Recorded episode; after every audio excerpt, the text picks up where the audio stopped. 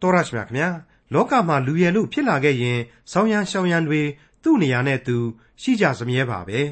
ယေရှုခရစ်တော်ကိုမိမိရဲ့ကယ်တင်ပိုင်ရှင်သခင်ဖရာအဖြစ်လက်ခံယုံကြည်ခဲ့လို့ခရိယန်ဖြစ်လာခဲ့ရင်လေဖရာရှင်မိန့်ဆိုတော်မူတဲ့ဆောင်းရမ်းရှောင်းရမ်းတွေရှိပါတယ်ဒီကနေ့တင်ပြရသောတမချန်းအစီအစဉ်မှာလေးလာမှာဖြစ်တဲ့ခရိယန်တမချန်းဓမ္မဟောင်းကျမ်းပိုင်းတွေကပထမမြောက်ဆာလံကျမ်းအပိုက်ငယ်1ကနေအပိုက်ငယ်3အထိမှာခရိယန်တွေအနေနဲ့ ရှောင်ရှားရမယ့်အရာ၃ခုနဲ့ဆောင်ရမယ့်အရာနှစ်ခုကိုအရင်ဆုံးဖော်ပြထားပါတယ်။ရှောင်ရံတွေကိုမရှောင်နိုင်ရင်ဘယ်လိုဖြစ်လိမ့်မလဲ။ကောင်းငင်ကနေချက်ချင်းပဲလောင်မီးကြပြီးမဖြစ်စည်းပါဘူး။ဆောင်ရံတွေကိုစောင့်ထိန်လိုက်နာတဲ့အခါဘာဖြစ်မလဲ။ကောင်းငင်ဘုံကိုအရှင်လက်လက်တော့ချီဆောင်ခြင်းမခံရပါဘူး။မြင်နာမှာစိုက်လျက်မိမိအချိန်တန်မှအသီးကိုတီး၍အရွက်မညှိုးနွမ်းတတ်သောအပင်နှင့်တူ၏ပြုလေသမျှတို့၌ အောင်လိမ့်သတည်းလို့ဆိုထားပါတယ်။အဲ့ဒီမြစ်ဆိုတာဘာကိုဆိုလိုပါသလဲ။အချိန်တန်မှအသီးသီးတယ်ဆိုတဲ့စကားရဲ့နဲ့နဲလာတဲ့အတိတ်ပဲဖွင့်ဆိုချက်တွေနဲ့အတူပထမမြောက်ဆာလံကျမ်းအပိုက်ငယ်1ကနေအပိုက်ငယ်3အထိကိုဒေါက်တာထွန်းမြတ်ရေးကအခုလိုရှင်းလင်းတင်ပြထားပါတယ်။ဒီကနေ့ဒီအချိန်မှာတော့ဆာလံတည်ခြင်းအပေါင်းတို့ရဲ့ပထမမြောက်သောဆာလံအမှတ်စဉ်1ကိုစတင်ပြီးတော့နားဆင်ကြရပါတော့မယ်။ ဆာလံတီချင်းများတို့ဟာဓမ္မပညာရှင်တို့ရဲ့ခွဲခြားစိတ်ဖြာမှုအရာအပိုင်း၅ပိုင်းရှိတယ်ပထမမြောက်သောဆာလံကနေစပြီးတော့40ခုမြောက်သောဆာလံအကြည့်ဟာကပ္ပဦးကျမ်းရဲ့အခြေခံအနှစ်ချုပ်ဝိညာဉ်ရေးသဘောတရားများကိုနဲ့ဆိုင်စွာဖော်ပြသွားမှာဆိုပြီးတော့ကျွန်တော်ကြိုတင်ဖော်ပြခဲ့ပြီးဖြစ်ပါတယ်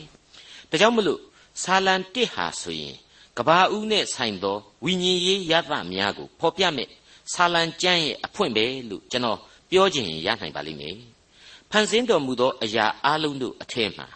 ဘုရားသခင်အဖို့လူဆိုတဲ့သက်ရှိတ attva ဟာအမွန်မြတ်ဆုံးဖြစ်တယ်ဆိုတာကိုဘယ်လူသားကမှဘယ်လိုအကြောင်းမျိုးပြပြီးတော့မှမငင်းနိုင်ပါဘူး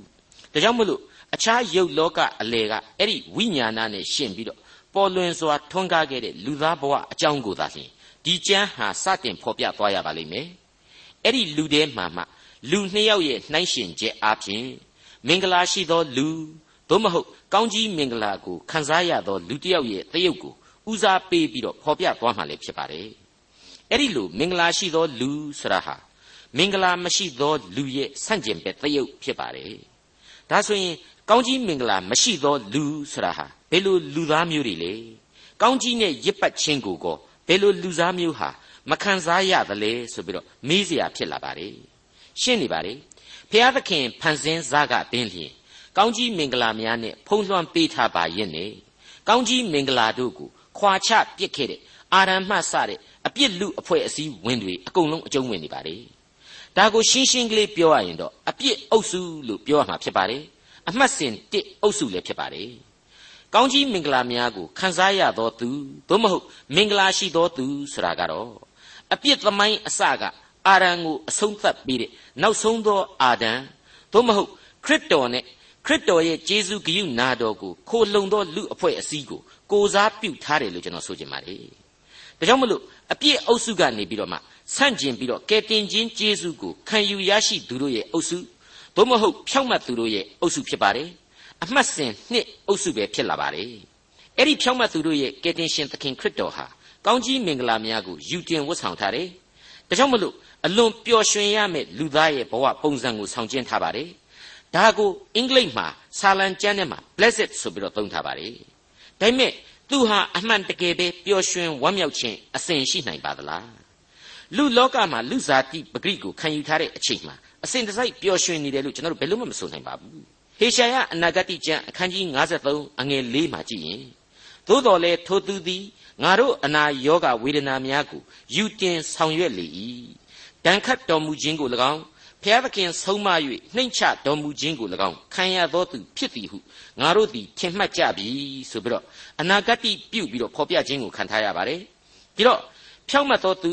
ကောင်းကြီးမင်္ဂလာကိုခံစားရသောသူဟာလောကီသားတို့ရဲ့အပြစ်ဝန်တုပ်များကိုခံစားရယူထားရခြင်းအဖြစ်လွယ်ပြီးထားရခြင်းအဖြစ်အစဉ်အမြဲပျော်ရွှင်နေနိုင်တဲ့လူဘဝမဟုတ်ခဲ့တဲ့အကြောင်းကိုကြိုတင်ခံယူထားကြရပါလိမ့်မယ် ဒီအကြောင်းတွေအလုံးကိုအကျယ်တဝင့်မရှင်းခင်မှာမင်္ဂလာရှိသောသူရဲ့အကြောင်းကိုစတင်သုံးသပ်ကြည့်ကြပါစို့ပထမမြောက်သောဆာလံအငယ်1နဲ့2မတရားသောသူတို့ဤတိုက်တွန်းခြင်းသို့မလိုက်လူဆိုးတို့ဤလမ်းတွင်မရမနေမထီမဲ့မြင်ပြုသောသူတို့ဤအစည်းအဝေး၌မထိုင်ထာဝရဘုရားဤတရားတော်၌မွေးလျော်၍တရားတော်ကိုနိညမပြတ်ဆင်ခြင်အောက်မေ့သောသူသည်မင်္ဂလာရှိ၏မိษွေအပေါင်းတို့ခမညာမင်္ဂလာရှိသောလူသားသို့မဟုတ် ကောင်းကြီးကိုခံရသောသူအဲ့ဒီလူသားတို့ရဲ့ကျင့်စဉ်များကိုစတင်ဏ္ဍန်ပြုတ်ပြီးတော့ဖော်ပြလိုက်ပါတယ်ဒီကျင့်စဉ်တွေရဲ့အခုအစမှမြင်ရတာဟာရှောင်ကျင်ခြင်းကျင့်စဉ်ဖြစ်ပါတယ်တိမတရားသောသူတို့ဤတိုက်တွန်းခြင်းသို့မလိုက်နှစ်လူဆိုးတို့ဤလမ်းတွင်မရမနေသုံးမထီမဲ့မြင်ပြုသောသူတို့ဤအစည်းအဝေး၌မထိုင်သောရှောင်ကျင်ခြင်းများပဲဖြစ်ပါတယ်အဲ့ဒီလိုရှောင်ကျင်ခြင်းများရဲ့နောက်မှာတပါးတည်းဆက်ပြီးတွေ့ရတာကတော့ လိုက်လျှောက်ခြင်းကျင့်စဉ်များဖြစ်လာပါတယ်အဲ့ဒီလိုက်လျှောက်ခြင်းတွေကတော့တခြားမဟုတ်ပါဘူးတိထာဝရဘုရားဤတရားတော်၌မွေ့လျော်ခြင်းနှစ်တရားတော်ကိုနင်းညံ့မပြတ်ဆင်ခြင်အောက်မေ့ခြင်းဆိုတဲ့လိုက်လျှောက်ခြင်းများပဲဖြစ်ပါတယ်အဲ့ဒီအထက်ကပထမဖော်ပြထားတဲ့ရှောင်ကျင်ခြင်းတွေမရှိဘူးဆိုရင်ဒီလူသားဟာမင်္ဂလာမရှိသောသူဝမ်းမြောက်ခြင်းအသက်တာကိုမရရှိသူဖြစ်သွားရပြီဆိုတာကိုဆာလံတစ်ဟာဆက်လက်ဖော်ပြလိုက်ပါတယ် ဒီနေရာမှာခရစ်ဝင်ကျမ်းတွေတဲကခရစ်တော်ရဲ့အသက်တာအကြောင်းကိုသေသေးချာချာကျွန်တော်တို့စဉ်းစားကြည့်ဖို့လိုအပ်ပါလိမ့်မယ်လေးလေးနက်နက်အဖြေထုတ်ယူဖို့လိုအပ်ပါလိမ့်မယ်ခရစ်တော်ဟာသူ့ရဲ့လောကခရီးစဉ်မှာအဘယ်သူဤတိုက်တွန်းခြင်းကိုသာခံယူခဲ့တယ်လေဆိုတဲ့အဖြေကိုရရှိနိုင်ဖို့အတွက်ပါလူစားတိကိုခံယူထားတဲ့သူ့ရဲ့အုံနောက်ကိုပင်လျင်သူဟာမတိုင်ပင်ဘူးသူ့ရဲ့ပတ်ဝန်းကျင်ကလူသားတို့ရဲ့တိုက်တွန်းမှုနဲ့အကြံဉာဏ်များဆိုတာကိုတော့ လက်ခံမှုဝေလာဝေးတယ်ဆိုတဲ့အချက်ဟာရှင်းရှင်းကြီးပေါ်ထွန်းလာပါတယ်ဟုတ်ပါတယ်ငါစိတ်ထင်တော့ဟိဒီနေ့ဂါလိလဲကိုသွားပြီးတော့ငါးမြရရင်ကောင်းမလားတွေးမိတယ်တပည့်တို့ပြီးတော့မှယေရုရှလင်မြို့တော်ကြီးဘက်ကိုအပြင်းပြေလောက်တပတ်လောက်ပြန်ပြီးလှည့်ကြည့်ကြရအောင်ကွာဆိုတာမျိုးတခါမှကျွန်တော်မကြားရပါဘူးရှင်ယောဟန်ခရစ်ဝင်ကျမ်းအခန်းကြီး14ရဲ့ဏိဂုံးပိုင်းမှာကယ်တင်ရှင်သခင်ခရစ်တော်ဟာအခုလိုဖော်ပြခဲ့ပါတယ်ငါသည်ခမည်းတော်ကိုချစ်သည်ကို၎င်း ခမည်းတော်မှားတော်မူသည့်အတိုင်းငါပြုသည်ကို၎င်းလောကီသားတို့သိမည်အကြောင်းဒီဤအရမှထ၍သွားကြကုန်အံ့တဲ့အဲ့ဒီအတိုင်းပါပဲသူ့ရဲ့နှုတ်ကထွက်တဲ့စကားတွေဟာလေဘယ်အုံနောက်နဲ့မှတိုင်းတာဟောပြောခြင်းမဟုတ်ခဲ့ပါဘူးရှင်ယောဟန်ခရစ်ဝင်ကျမ်းအခန်းကြီး7အငယ်49မှာဒီအချက်ကိုရှင်းရှင်းကြီးတွေ့ရပါတယ်ငါသည်ကိုယ်အလိုအလျောက်ဟောပြောသည်မဟုတ်ငါကိုစေလွတ်တော်မူသောခမည်းတော်သည်အဘယ်သို့ငါဆုံးမဟောပြောရမည်ကိုပြည့်ညတ်ပေးတော်မူပြီတဲ့ ပြီးတော့မှဆက်လက်ဖော်ပြလိုက်ပြန်ပါသေးတယ်ခမည်းတော်ဤပြည့်ညတ်တော်သည်သာဝရအသက်ဖြစ်သည်ကိုငါသိ၏တဲ့မိတ်ဆွေအပေါင်းတို့အမှန်တော့အကြံဉာဏ်တွေရယူရတာတိုက်တွန်းနှိုးဆော်မှုတွေကိုလူသားတွေဟာအားကိုးရတာဟာသိပြီးတော့အဆန်းကြီးမဟုတ်လာပါဘူးလူသားတို့အနေနဲ့ပြောတာပေါ့ဒီနေရာမှာမတရားသောသူတို့ဆိုပြီးတော့ဖော်ပြတာဟာအင်္ဂလိပ်လိုကျတော့ ungodly လို့အတိတ်ပဲဖွင့်ဆိုထားပါတယ်ဘုရားသခင်ကိုဥပက္ခပြုထားတဲ့လူတိုင်းကိုရည်ညွှန်းထားတာပဲဖြစ်ပါတယ်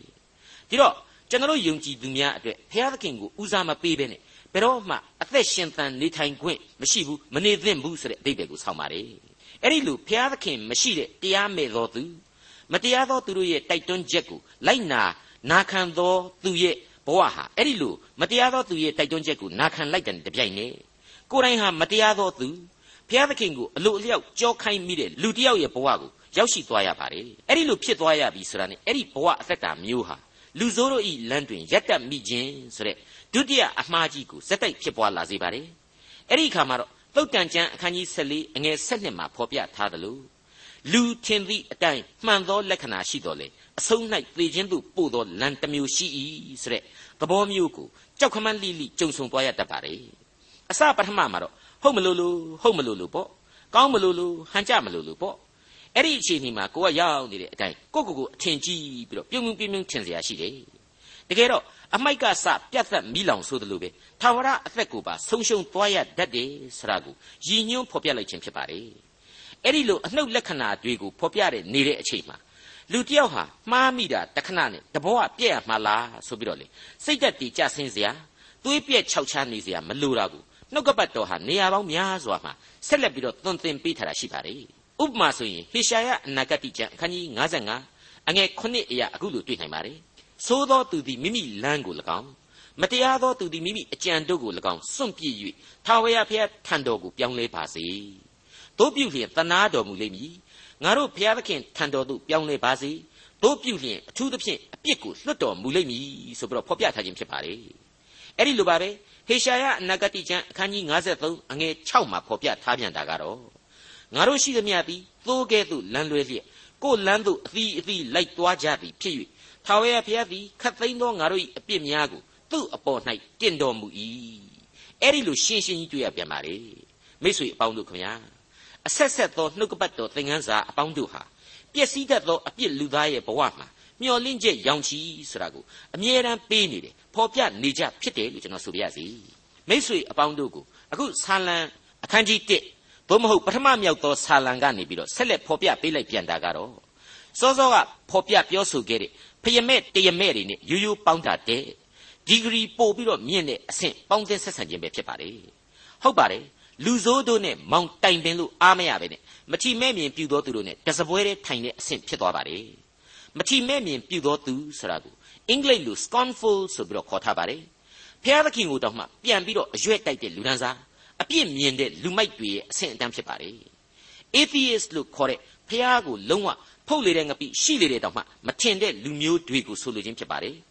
အခုဆာလံဆရာကဖော်ပြလိုက်တာကတော့အဲ့ဒီလူမျိုးတွေရဲ့အစည်းအရုံးတဲ့မှာကိုကပါသွားပြီးတော့ကိုကတစပွဲတဲ့ထိုင်ခြင်းဟာအေယာမအမှားဖြစ်တယ်မင်္ဂလာမဲ့တယ်မင်္ဂလာရှိသောသူဟာအဲ့ဒီလိုဘယ်တော့မှမလုပ်ရဘူးဆိုတာကိုရှင်းရှင်းကြီးဖော်ပြလိုက်ခြင်းပဲဖြစ်ပါတယ်ဟုတ်ပါတယ်အပြစ်တကာတို့အနဲ့မှာ အဲ့ဒီလိုဘုရားသခင်ကိုမထီမဲ့မြင်ပြုတဲ့အဆင့်အထိရောက်လာတဲ့အပြစ်ဘုရားသခင်ကိုအကျွင့်မဲ့တော်လှန်ပုန်ကန်တယ်ဆိုတဲ့အပြစ်ဟာကြောက်စရာအကောင်းဆုံးအပြစ်အကြီးအကျယ်ဆုံးသောအပြစ်ကြီးပဲဖြစ်ပါတယ်အနှိမ့်ကြဆုံးအကျင့်ပြက်သွားရတယ်အနှိမ့်ကြဆုံးသောအဆင့်ကိုရောက်သွားရတယ်လို့ပဲကျွန်တော်ဆိုချင်ပါတယ်သုတ်တန်ကျမ်းအခန်းကြီး3အငယ်34မှာအဲ့ဒီလိုလူမျိုးတွေကိုဘုရားသခင်ဟာပြန်လေကဲ့ရဲ့လိမ့်မယ်ဆိုတာကိုတွေ့ရသလိုသုတ်တန်ကျမ်းအခန်းကြီး2ရဲ့ဏိဂုံးပိုင်းမှာကျတော့ လွန်ကျူးလာရင်ဆွဲနှုတ်ပြစ်ချင်းကိုတောင်ခံရမယ်ဆိုပြီးတော့ပြင်းပြင်းထန်ထန်ဖော်ပြသတိပေးထားပါတယ်ကျွန်တော်အသက်တာမှာအဲ့ဒီလိုဘုရားသခင်ကိုလုံးဝလက်မခံတဲ့လူမျိုးတွေအများကြီးတွေ့ဘူးပါတယ်သဘာဝတရားကိုပဲသူတို့ကကိုးကွယ်တယ်ဆိုပြီးတော့ဘုရားသခင်ကိုတောင်မှပြန်ပြီးတော့ဆဲဆိုတာမျိုးအထိအသေးရလောက်အောင်ကျွန်တော်နားနဲ့ဆက်ဆက်ကြားမှုပါတယ်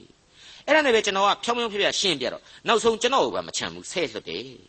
ကျွန်တော်အနေနဲ့အဲ့ဒီပုံကူမျိုးတွေအတွက်ဆုတောင်းပေးနိုင်တာကလွယ်လို့ဘာမှမတတ်နိုင်ပါဘူး လူသားဟာမကောင်းမှုတွေအမျိုးမျိုးကျူးလွန်နိုင်ပါတယ်မကောင်းတဲ့အသက်မူဝင်ကြောင်းမှုကာမဂုဏ်လိုက်စားမှုမူရစ်ရန်ကားမှုရက်ဆက်ကြမ်းကြုတ်မှုစသည်စသဖြင့်အပြစ်တွေအမျိုးစုံပေါ့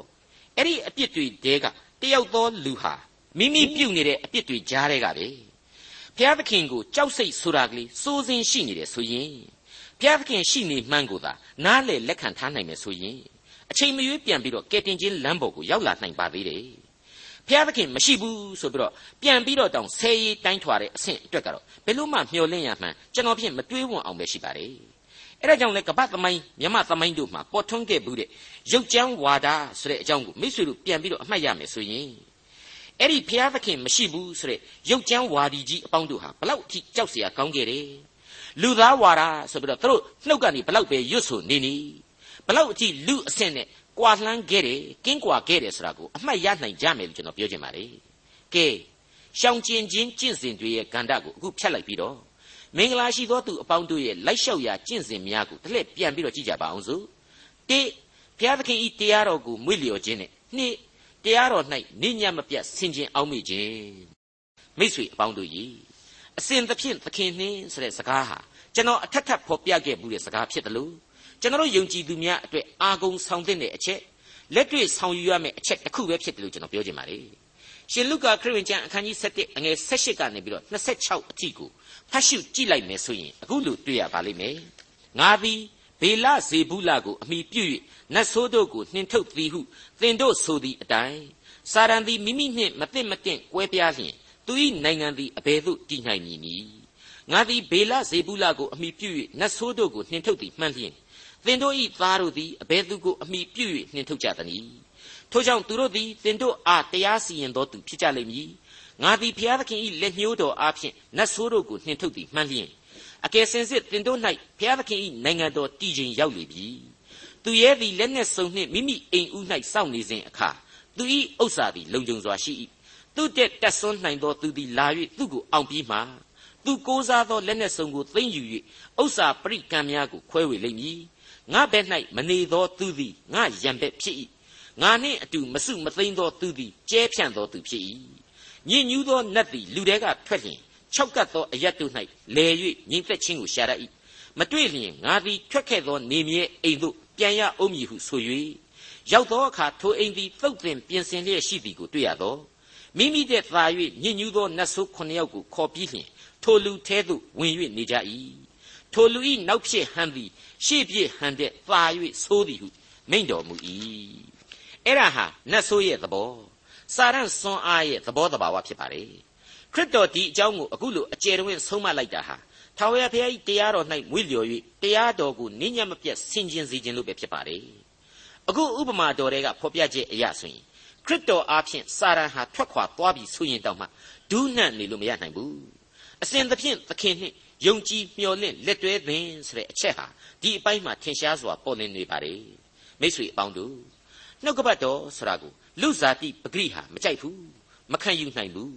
ဘာဖြစ်လဲဆိုရင်ဇာတိကို၌ကိုကအပြစ်ဇာတိဖြစ်နေလို့ပဲဆိုတာကိုကျွန်တော်အထက်ထက်ကြားနာခဲ့ကြပြီးပါပြီကျွန်တော်လည်းရှင်းပြခဲ့ပြီးပါပြီဝေးဝေးမကြည့်ပဲနဲ့ကို့မိသားစုကို့ပတ်ဝန်းကျင်ကယုံကြည်သူလူငယ်ကလေးတွေကိုပဲကြည့်ပါအချစ်ဝတ္ထုတွေကာတွန်းတွေဗီဒီယိုကွေတွေကိုတစိုက်မဲ့မဲ့ရှိကြသလောက် နှုတ်ကပတ်တော်မှာမပျော်နိုင်ကြတာကိုတွေ့ရတတ်ပါတယ်ဒါဟာကျမ်းစာတော်မြတ်ကိုတန်ဖိုးမထားတာလို့တော့ကျွန်တော်မဆိုချင်ပါဘူးဇာတိအသွေးအသားကို၌ပင်ဖြင့်မမဲ့မောနိုင်အောင်ဖြစ်ရခြင်းပါပဲအဲ့ဒီလိုလူငယ်ကလေးတွေအတွက်ရှင်ယောဟန်ဩဝါဒစာပထမစာဆောင်အခန်းကြီး9အငယ်3ကိုကျွန်တော်အခုလိုဖော်ပြခြင်းပါတယ်ပြည့်ညတ်တော်တို့ကိုစောင့်ခြင်းအရာသည်ဘုရားသခင်ကိုချစ်ရာရောက်၏ပြည့်ညတ်တော်တို့ကိုစောင့်ခဲသည်မဟုတ်ဆိုတဲ့အချက်ဖြစ်ပါတယ်ဒီနေရာမှာစောင့်ခဲသည်မဟုတ်ဆိုတာဟာ နှုတ်ကပတ်တော်တို့ရဲ့အဆုံးအမတွေဟာလူသားတို့အဖို့မနာပါဘူးအင်မတန်သိမ်မွေ့နူးညံ့ပါတယ်ဆိုတဲ့သဘောတရားကိုဖော်ပြခြင်းဖြစ်ပါတယ်ဟုတ်ပါတယ်ဘုရားသခင်ရဲ့ချစ်ချင်းမေတ္တာတော်ကျေးဇူးတော်နဲ့ဂရုဏာတော်အရေးမှနေရခြင်းအပြင်လူသားတို့ကြံစီ၍မမိနိုင်သောငြိမ်သက်ခြင်းနဲ့ဝမ်းမြောက်ခြင်းဆိုတာရှိနေတယ်လို့ကျွန်တော်တို့နားလည်ခဲ့ရပြီးပါပြီပြီးခဲ့တဲ့ဂလာတိသင်ခန်းစာတွေမှာလေခရစ်တော်အားဖြင့်ကျွန်တော်ရဲ့ယုံကြည်ခြင်းအသက်တာများဟာဘလောက်အထိလွတ်လပ်တယ်ဆိုတာကိုတွေ့ခဲ့ရပြီးပါပြီ ဂလာတိဩဝါဒစာအခန်းကြီး9အငယ်73မှာတုန်းကဆိုရင်ညီအကိုတို့သင်တို့သည်လွတ်ချင်းအခွင့်ကိုရသောသူဖြစ်ကြ၏သို့တော်လည်းဇာတိပဂရိအားအခွင့်ကိုပေး၍ထိုလွတ်ချင်းကိုမသုံးကြနှင့်အချင်းချင်းချစ်၍အမှုချင်းကိုဆောင်ရွက်ကြလောဆိုတဲ့အချက်ကိုလည်းတွေ့ခဲ့ရပြီးသားပါခရစ်တော်ကိုယုံကြည်ခြင်းအပြင်ချစ်ချင်းမေတ္တာကစတင်ပြီးတော့ဝိညာဉ်ပဂရိရဲ့မရေမတွက်နိုင်သောအကျိုးကျေးဇူးအသီးအပွင့်များဟာဆင့်ကဲဆင့်ကဲထွက်ပေါ်လာရတယ်ဆိုတာကိုလေကျွန်တော်တို့ကြားခဲ့ကြပြီဖြစ်ပါတယ် အစဉ်သဖြင့်သခင်နှင့်လက်တွဲမဖြုတ်သင့်တဲ့အကြောင်းကိုသိစီအပ်ပါတယ်လူသားဟာအဲ့ဒီနီးအဖြစ်အမြဲမင်္ဂလာရှိလာနိုင်ပါတယ်ဝမ်းမြောက်ခြင်းနဲ့ကြည်နူးနှစ်သိမ့်ခြင်းနဲ့ဘဝကိုရှင်သန်ရည်တည်လာနိုင်ပါလိမ့်မယ်အင်အားကိုရရှိခြင်းဆိုတဲ့အကြောင်းကိုမူတည်ပြီးတော့ကျွန်တော်ဆက်လက်ဖော်ပြခြင်းပါတယ်မိษွေတော်တတ်ရှင်အပေါင်းတို့မင်္ဂလာရှိသောသူတို့ရဲ့ရှောင်ကျင်ခြင်းအကျင့်တွေလိုက်လျှောက်သင့်၍လိုက်လျှောက်သောကျင့်စဉ်တွေရဲ့နောက်မှာအလွန်ပေါ်လွင်ထင်ရှားလာတဲ့အကျိုးတရားကြီးဟာတခြားမဟုတ်ပါဘူး ဒါကိုအခုပထမမြောက်ဆာလံကျမ်းရဲ့အငယ်3ကနေစပြီးတော့ယုံကြည်သူလူသားတို့ရယူခံစားရသောအင်အားအဖြစ်နဲ့ကျွန်တော်ဖော်ပြလိုပါတယ်အကြောင်းမူကားထိုသူသည်မျက်နှာမှာစိုက်လျက်မိမိအချိန်တန်မှအသီးကိုသီး၍အရွက်မညှိုးနွမ်းတတ်သောအပင်နှင့်တူ၏ပြုလေသမျှတို့၌အောင်လိမ့်သတည်းတဲ့မျက်နှာမှာဆိုတာကိုအင်္ဂလိပ်က by the rivers of water ဆိုပြီးတော့ဖော်ပြပါတယ်မြင့်မင်းယမုန်နာမြောက်များစွာလို့ ဒီတိုက်ရိုက်ဘာသာပြန်ဆိုမယ်ဆိုရင်အဲ့ဒီလိုအတိတ်ပဲရှိတယ်လို့ကျွန်တော်ဆိုပြရစီဟေဘရဲတို့ရဲ့ဝေါ်ဟာရအဆိုအရဆိုရင်အဲ့ဒီမြင့်မင်းယမုန်နာမြောက်များစွာဆိုတဲ့ rivers of water ဟာဥပမာအလင်္ကာလည်းဖြစ်တယ်အတိတ်တရားအလင်္ကာသို့မဟုတ် superlative လည်းဖြစ်တယ်လို့ကျွန်တော်ဆိုချင်ပါတယ်ကြွယ်ဝပြည့်စုံခြင်းရှိတယ်ကြွယ်ဝပြည့်စုံတဲ့နေရာမှာရိုးရိုးမဟုတ်သေးဘူးအရှံပဲဖြစ်တယ်ဆိုတာကိုရည်ညွှန်းသုံးဆွဲတဲ့စကားပါပဲ အဲ့ဒီလိုအရှံပဲသောအရက်ဒေသမှာစိုက်ပျိုးပြီးတော့မှအပင်ဖြစ်လာရတယ်ဆိုတာကိုဖော်ပြလိုက်ခြင်းဖြစ်ပါတယ်အလိုအလျောက်ပေါက်ရောက်ခြင်းအရှင်းမဟုတ်ပါဘူးအလေးကျပေါက်ရောက်သောအရင်ပင်မဟုတ်ပါဘူးဒါဟာဘာအတိတ်ပဲကိုဆောင်ယူထားတယ်လဲဆိုတော့အလွန်ရှင်းလှပါတယ်ဝိညာဉ်တော်၌အသစ်မွေးဖွားသောအသက်တာပဲဖြစ်ပါတယ်ဒါနဲ့ပတ်သက်ပြီးတော့ပရောဖက်ကြီးဟေရှာယဟာသူ့ရဲ့အနာဂတ်ကျမ်းအခန်းကြီး61အငယ်3မှာအခုလိုဖော်ပြထားပါတယ်စိတ်မသာညီးတွားသောစီးအုံမြို့သားတို့အဖို့စီရင်၍ ပြာအရာ၌ဘောင်းတရဖူဝမ်းနေခြင်းအရာ၌ဝမ်းမြောက်ခြင်းစီညှိုးငယ်သောစိတ်သောအရာ၌ချီးမွမ်းခြင်းအဝတ်တန်စာကိုသူတို့အားပေးစီခြင်းဟာ၎င်းငါကိုစေလွတ်တော်မူပြီထိုသူတို့သည် ဖြောက်မှတ်ခြင်းသပိတ်ပင်ဘုံအသရေတော်ဘုထာဝရဘုရားစိုက်ပျိုးတော်မူသောအပင်ဟု၍သမုတ်ချင်းကိုခံရကြလိမ့်မည်တဲ့ဒီတော့မင်္ဂလာရှိသောလူသားများဖြစ်စေဖို့ရန်အတွက်ကျေးဇူးတော်ဟာတည်ရှိလာရတယ် ကယ်တင်ရှင်ကျေးဇူးတော်ဆိုတာဟာဖြစ်တည်လာရတယ်ဆိုတာကိုပေါ်လာပြီဘုရားသခင်ရဲ့ကျေးဇူးတော်များအဖြစ်ရှင်းရှင်းကြီးကျွန်တော်တို့သဘောပေါက်နားလည်ဖို့ပေါ်လာပြီအဲ့ဒီကျေးဇူးတော်များကြောင့်မင်္ဂလာရှိသောဘဝကိုဖြစ်စေတည်းလို့ဘုရားသခင်ကတစ်ချက်လွတ်အမိန့်ချတယ်လို့လည်းကျွန်တော်တို့ပြောလို့မရပြန်ပါဘူးအရှံပဲသောကျေးဇူးတော်များနဲ့တူတဲ့မြင့်များလိုအပ်ပါတယ်မြင့်မင်းယမုန်နာမြောက်များစွာလိုအပ်လာပါတယ် by the rivers of water နဘေးမှာမြစ်တို့ဤအနားမှာ ရှင်သန်နိုင်ဖို့အတွက်မြစ်တို့လိုအပ်လာပါတယ်အဲ့ဒီမြင့်မင်းကြီးအပေါင်းကတော့နှုတ်ကပတ်တော်ကိုရည်ညွှန်းခြင်းဖြစ်ပါတယ်ဟေရှာယအနာဂတိကျမ်းအခန်းကြီး55အငယ်30ကိုကြည့်ပါမိုးရေနှင့်နှင်းပွင့်တို့သည်မိုးကောင်းကင်မှဆင်းသက်၍နောက်တဖန်မပြန်မြေသည်မျိုးစိကျဲသောသူအားမျိုးစိကို၎င်းအစာစားသောသူအားအစာကို၎င်းပေးမည်အကြောင်းမြေကိုစိုးစေသဖြင့်အသီးကိုသီးစေတကဲ့သို့ထို့အတူငါဤနှုတ်ကပတ်စကားသည်ဖြစ်လိမ့်မည် အကျိုးမရှိဘဲငါထံသို့မပြန်ရငါအလိုကိုပြည့်စုံစေ၍ငါစေခိုင်းသောအမှု၌အောင်လိမ့်မည်အသီးကိုသီးနိုင်စေဖို့အတွက်ငါဤနှုတ်ကပတ်တော်စကားတို့သည်ဖြစ်လိမ့်မည်ဖြစ်စေလိမ့်မည်တဲ့ဘလောက်ကောင်းလဲမိတ်ဆွေအပေါင်းတို့ခမညာသင်သိရသောသမာကျမ်းရဲ့အောင်မြင်မှုတွေဟာတကယ်တော့ဘုရားသခင်ရဲ့အရှံပဲသောမြင့်မင်းယမုန်နာမြောက်များစွာကနေပြီးတော့ကျေးဇူးတော်အားဖြင့်စိုက်ပျိုးသောအပင်များလို့ကျွန်တော်ကဖော်ပြခြင်းပါလေနှုတ်ကပတ်တော်ဆိုတာဟာ အသက်လန်းဆိုပြီးပြောယူရတဲ့အထိသက်ဆိုင်ရည်ကြည်လို့စီစဉ်ခြင်းဖြစ်တယ်မြေစီဩဇာအပေါင်းတို့နဲ့စုဆောင်းထားပြီးတော့ပြည့်စုံကြွယ်ဝလှတယ်ညဉ့်ညမ်းနေတဲ့ညဉ့်နွမ်းနေတဲ့လူသားအပေါင်းတို့ရဲ့ယင်ထဲမှာတန့်ရှင်းစင်ကြယ်သောနှလုံးသားကိုဖြစ်လာစေတယ်မင်္ဂလာရှိသောအသက်တာကိုရှင်သန်စေတယ်ဆိုတာကိုကျွန်တော်တို့ပထမမြောက်သောဆာလံပြီးခြင်းအပြင်ရှင်းရှင်းကြီးတွေ့နေရပါတယ်တရား၄ခုမြောက်သောဆာလံအငယ်16မှာဆိုရင်အခုလိုဖော်ပြထားတာကိုတွေ့နိုင်ပါလိမ့်မယ် ထာဝရဘုရားဤသစ်ပင်စိုက်တော်မူသောလေပနုံအာရစ်ပင်တို့သည်လည်းရောင်ရဲလျက်ရှိကြ၏ထိုအပင်တို့၌ငှက်တို့သည်အဖိုက်လုတ်တတ်ကြ၏ခင်းယူပင်တို့၌တောငန်းတို့သည်နေရာကျရ၏အဲ့ဒီလိုအလွန်နှဲ့နှောင်းစွာဖွဲ့ဆိုထားတာကိုကျွန်တော်တို့တွေ့နိုင်ပါလိမ့်မယ်ရောင်ရဲလျက်ရှိကြ၏တဲ့အလွန်အလွန်ထိမိလာတဲ့ဆရာကြီးယူရသန်ရဲ့ပြန်ဆိုမှုပါပဲဘာဖြစ်လို့ဒီသစ်ပင်တွေဟာရောင်ရဲသလဲ အဲ့ဒီအပင်တွေဟာအကုန်လုံးသူတို့ရဲ့အပင်အမျိုးအစားလိုက်ရှိရမယ့်ပင်စီပင်နှစ်တွေနဲ့ပြည့်ဝနေလို့ပဲဖြစ်ပါတယ်ဒါကို full of set ဆိုပြီးတော့အင်္ဂလိပ်ကဖော်ပြထားပါတယ်ဘယ်လိုလုပ်ပြီးတော့အဲ့ဒီလိုပင်စီပင်နှစ်တွေနဲ့မပြည့်ဝပဲနေနိုင်မှာတော့ကျေးဇူးတော်မြည့်ရည်ကိုအရှံပဲခံစားရတယ်မြေစီဩဇာအားလုံးကိုရယူထားရတယ်ဘုရားသခင်ကိုတော်တိုင်စိုက်ပျိုးထားတယ်လို့ဆိုထားတယ်မဟုတ်ဘူးလားတရားလေးခုမြောက်သောဆာလံရဲ့ဖော်ပြချက်အရာ ငှက်တို့ပင်ခိုနားနိုင်တဲ့အဆင့်အထိရိတ်အာဝါသတွေကောင်းတာကိုဖော်ပြပါတယ်အခုဆာလံတက်မှာကျတော့အချိန်တန်မှအသီးကိုသီး၍အရွက်မညှိုးနွမ်းနိုင်ပါဘူးတဲ့ဘလောက်ကောင်းတော့အချိန်တန်မှအသီးကိုသီးတယ်ဆိုတာဟာအလွန်အတိတ်ပဲကျေဝန်းလေးနဲ့ပါတယ်လို့ကျွန်တော်ဆိုချင်ပါတယ်မိษွေတို့အထက်မှာခြံဆိုင်စားတဲ့ဥယျာဉ်သမားတွေအများကြီးရှိပါလိမ့်မယ်မိษွေတို့စိုက်ပျိုးထားတဲ့အပင်တွေကအသီးတွေဘွန်းဘွန်းဘွန်းဘွန်းသီးပြီးတော့ပြုတ်ပြုတ်ပြုတ်ပြုတ်ပြုတ်ကြတာကိုကြိုက်ကြပါသလားအမဲ့တဝင်းဝင်းအကင်းတပြိုက်ပြိုက်ဆိုတာမျိုးလေကျွန်တော်ကြားဘူးတယ် လူညစ်ပတ်တယောက်ဟာသူများရဲ့အုံပင်ခြေရည်မှာပရာအစိတ်ပါတဲ့ဓာတ်တွေပွားပြီးထည့်ပြီးတော့အဲ့ဒီအုံပင်ကိုသေအောင်လုပ်တယ်ပိုင်ရှင်ခမရကတော့ဘာမှမသိချဘူးအုံပင်ကြီးကအဲ့ဒီပရာတွေကပဲကန်သလားတော့မသိဘူးနေချင်းညချင်းအသီးတွေထွက်လာလိုက်တာပြုတ်နေတာပဲလေအဲ့ဒါနဲ့ပဲအဲ့ဒီခြံရှင်ကလည်းအဲ့ဒါမော့ကြည့်ပြီးတော့သဘောတွေပဲကြာလို့ပြုံးပြုံးပြုံးပြုံးနေဆိုပဲအေးအဲ့ဒီအုံသီးလေးတွေဟာလေလက်သီးစုပ်အရွယ်ကလေးတွေကနေတခါမှကြီးမလာတော့ဘူး အဲ့ဒါနဲ့ငါအုံးပင်ဘာများဖြစ်လို့ပါလဲလို့တွေးနေရင်လည်းပဲအဲ့ဒီလက်သီးစုပ်ကလေးတွေကလည်းတလုံးပြီးတလုံးပြုတ်ကြတယ်နောက်ဆုံးကျတော့အပင်ကြီးဟာလည်းတဖြည်းဖြည်းရှုံရှုံလိုက်လာပြီးတော့နောက်ဆုံးကျတော့အဖက်လိုက်ကွာကြပြီးတော့အဲ့ဒီအပင်ကြီးတစ်ခုလုံးသေပါလေရောဆိုပဲဒါကိုကျွန်တော်ထည့်ပြောရတာကသဘာဝကြကြသဗ္ဗယမျှတစွာသီးပွင့်ခြင်းရဲ့အတိတ်တွေကိုနားလည်စေခြင်းလို့ပါတန်ဖိုးကိုသိစေခြင်းလို့ပါအချိန်တန်မှအသီးကိုသီးဖို့လိုတယ်ဆိုတာဟာအလွန်မှန်ကန်တယ်ဆိုတာကိုထင်ရှားစေခြင်းလို့ပါပဲ ကျွန်တော်ရဲ့ယုံကြည်သူအသင်းတော်တွေမှာကောယုံကြည်ပါတယ်ခမညာဆိုပြီးတော့ဝုံဝုံနဲ့မျက်လှည့်ပြတယ်လို့ရောက်လားဘုံတိုင်းဘုံတိုင်းနဲ့မျက်လှည့်ပြတယ်လို့ပြန်ပြီးတော့ပျောက်ပြက်ကုန်ကြတာမျိုးတွေကိုကျွန်တော်တို့လူလာကြပါသလားတချို့များဆိုရင်နော်ပျောက်တာတောင်ရိုးရိုးပျောက်တာမဟုတ်ဘူးသင်းအုပ်ဆရာတို့အသင်းတော်ကောင်စီတို့ကိုကလော်ဆဲပြီးတော့မှပျောက်သွားတာအသင်းတော်မှာရှက်ခမန်းလိလိရန်ဒီဖြစ်ပြီးတော့မှပျောက်ကွယ်သွားကြတာ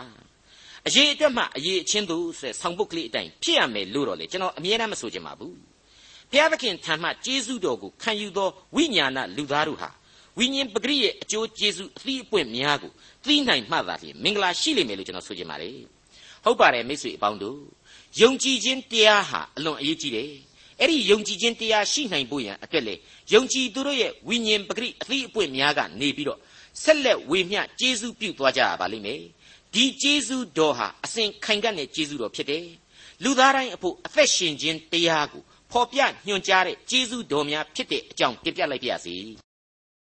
ဒေါက်တာထွန်းမြတ်အေးစီစဉ်တင်ဆက်တဲ့တင်ပြတော်တမချန်းအစီအစဉ်ဖြစ်ပါတယ်နောက်တစ်ချိန်အစီအစဉ်မှာခရိယံတမချန်းဓမ္မဟောင်းကျမ်းပိုင်းထဲမှာပါရှိတဲ့ပထမမြောက်ဆာလံကျမ်းအပိုက်ငယ်၄ကနေ